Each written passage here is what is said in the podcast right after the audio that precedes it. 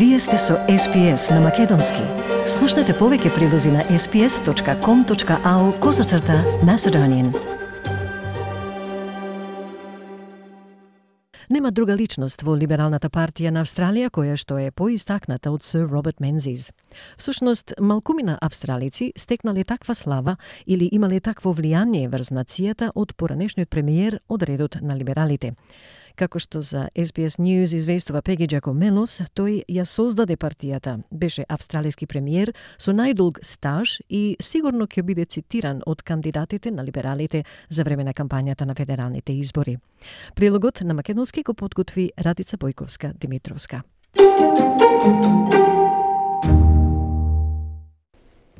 Fellow Australians, it is my melancholy duty to inform you officially that in consequence of a persistence by Germany in her invasion of Poland, Great Britain has declared war upon her, and that as a result, Australia is also at war. Тоа е сер Роберт Гордон Менцис, роден на 20 декември 1894 година во Джепарит, Викторија. Тој стана австралиски премиер со најдолг стаж, а функцијата ја извршуваше два пати – од 1939 до 1941 година и од 1949 до 1966 година, вкупно 18 години и 5 месеци.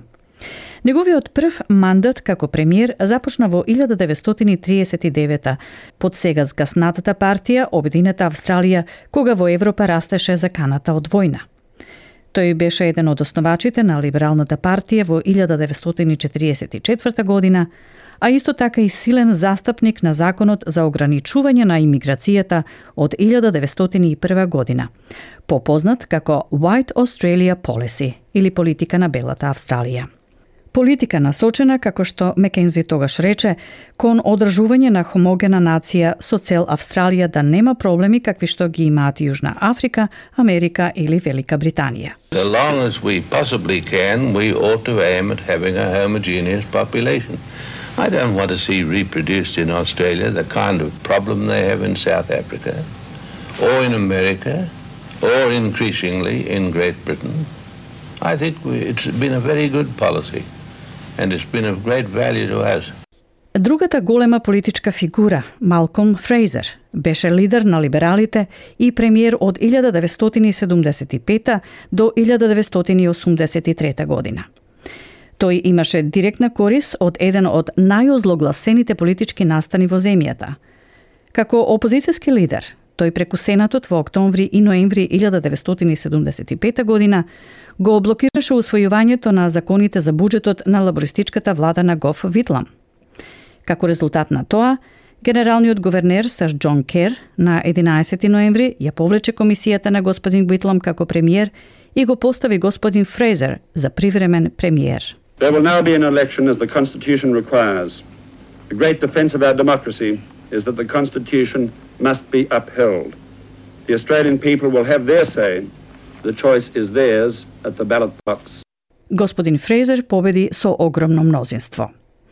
И додека тој беше конзервативен во поглед на економијата, социјално тој се сметаше за сосема прогресивен. Неговата влада продолжи и ги прошири реформите иницирани од лабористите, како што е семејниот суд, формираше специјална радиодифузна служба и прогласи делови од големиот корален гребен како морски парк. Во меѓувреме, уште еден либерал стана втор премиер со најдолг стаж на Австралија. Џон Хауард, кој беше премиер од 1996 до 2007 година, донесе строги закони за поседување оружје по масакрот во Порт Артур.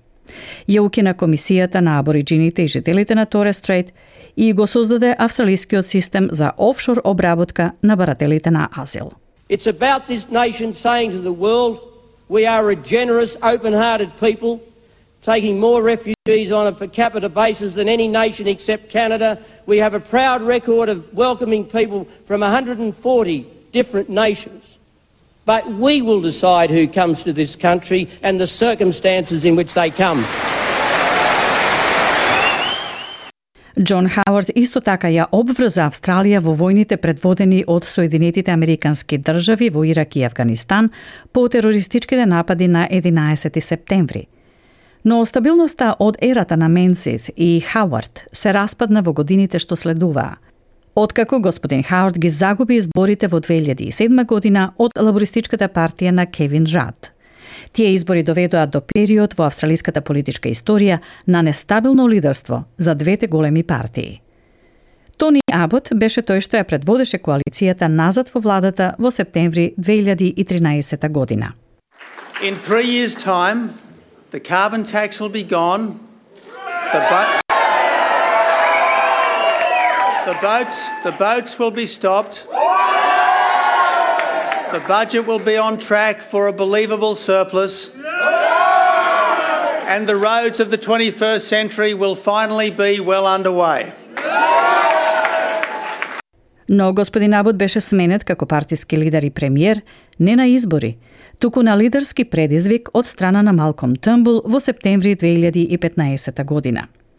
Самиот господин Тембл го загуби лидерството во партијата и неговата работа како премиер по уште еден лидерски предизвик во август 2018 Australians will be just dumbstruck and so appalled by the conduct uh, of the last week. Um, you know, to, to imagine that a government would be rocked by this sort of disloyalty and deliberate uh, you know, uh, insurgency is the best way to describe it. Deliberate destructive action. Предизвикот од страна на министерот за внатрешни работи Питер Датон доведе до две лидерски прелевања. Господин Тембл го доби првиот предизвик против Питер Датон, но не и вториот. А благајникот Скот Морисон го победи господин Датон, со што стана лидер на либералите и трет премиер во помалку од два мандати на владата. If you have a go in this country, you'll get a go a fair go for those who have a go. That's what fairness in Australia means. Тоа беше господин Морисон, кој ја предводеше коалицијата до победа во изборната кампања против лабористичката партија, предводена од Бил Шортен во 2019 година. Анкетите и експертите прогнозираа победа на лабористите, а имаше сугестии дека премиерот Скот Морисон не може да ја надмине штетата нанесена врз угледот на либералната партија од лидерските превирања. Но господин Морисон и Либералната партија докажаа дека сите грешат. Со тоа што избирачите не почувствуваа блискост со господин Шортен, кој ја водеше лабористичката партија 6 години. Тоа беше сладка победа за господин Морисон. I have always believed in miracles. And tonight we've been delivered another one.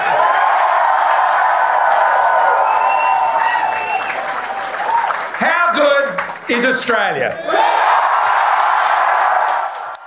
По изборот на господин Морисон, во собствените редови на партијата се создадоа несогласици во врска со прашања како што беа истополовите бракови и климатските промени. Доктор Питер Чен е виш предавач на катедрата за владини и меѓународни односи на Универзитетот во Сиднеј. Тој вели дека историски либералната партија е интересна комбинација на голем број различни струи во австралиското општество – кои датираат од почетокот на 20 век. The Liberal Party has this tradition that on certain issues individual MPs can vote on their conscience and don't have to follow a party position. So that is a way that they've managed that fragility, that tension.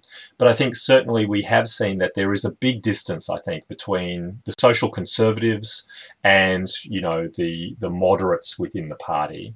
Um, and I think we're seeing that play out to some extent with the explosion of these um, uh, climate uh, focused independent candidates like Sally Ziegel and, and people like that. On paper, many of those candidates would probably be liberals. They would run as progressive liberals, and that they're not running as part of that party shows that there is this fundamental, you know, problem that they're having within the party to resolve this key issue around climate, for example. Доктор Чен вели дека во редовите на партијата секогаш имало големи подалби од незиното формирање во 1944 година. И иако тој не го гледа тоа како терминален проблем, Доктор Чен вели дека тоа е нешто што партијата треба да го менаџира заедно со прашањата за лидерството и партиското единство пред следните избори, но и потоа.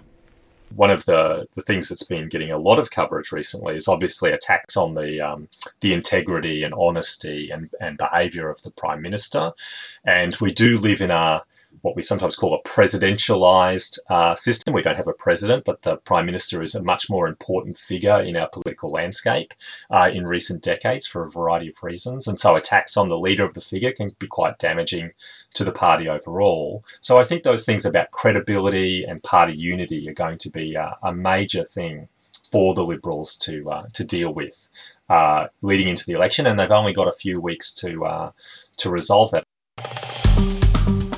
Стиснете, ми се допаѓа, споделете, коментирајте. Следете ја SPS на Македонски на Facebook.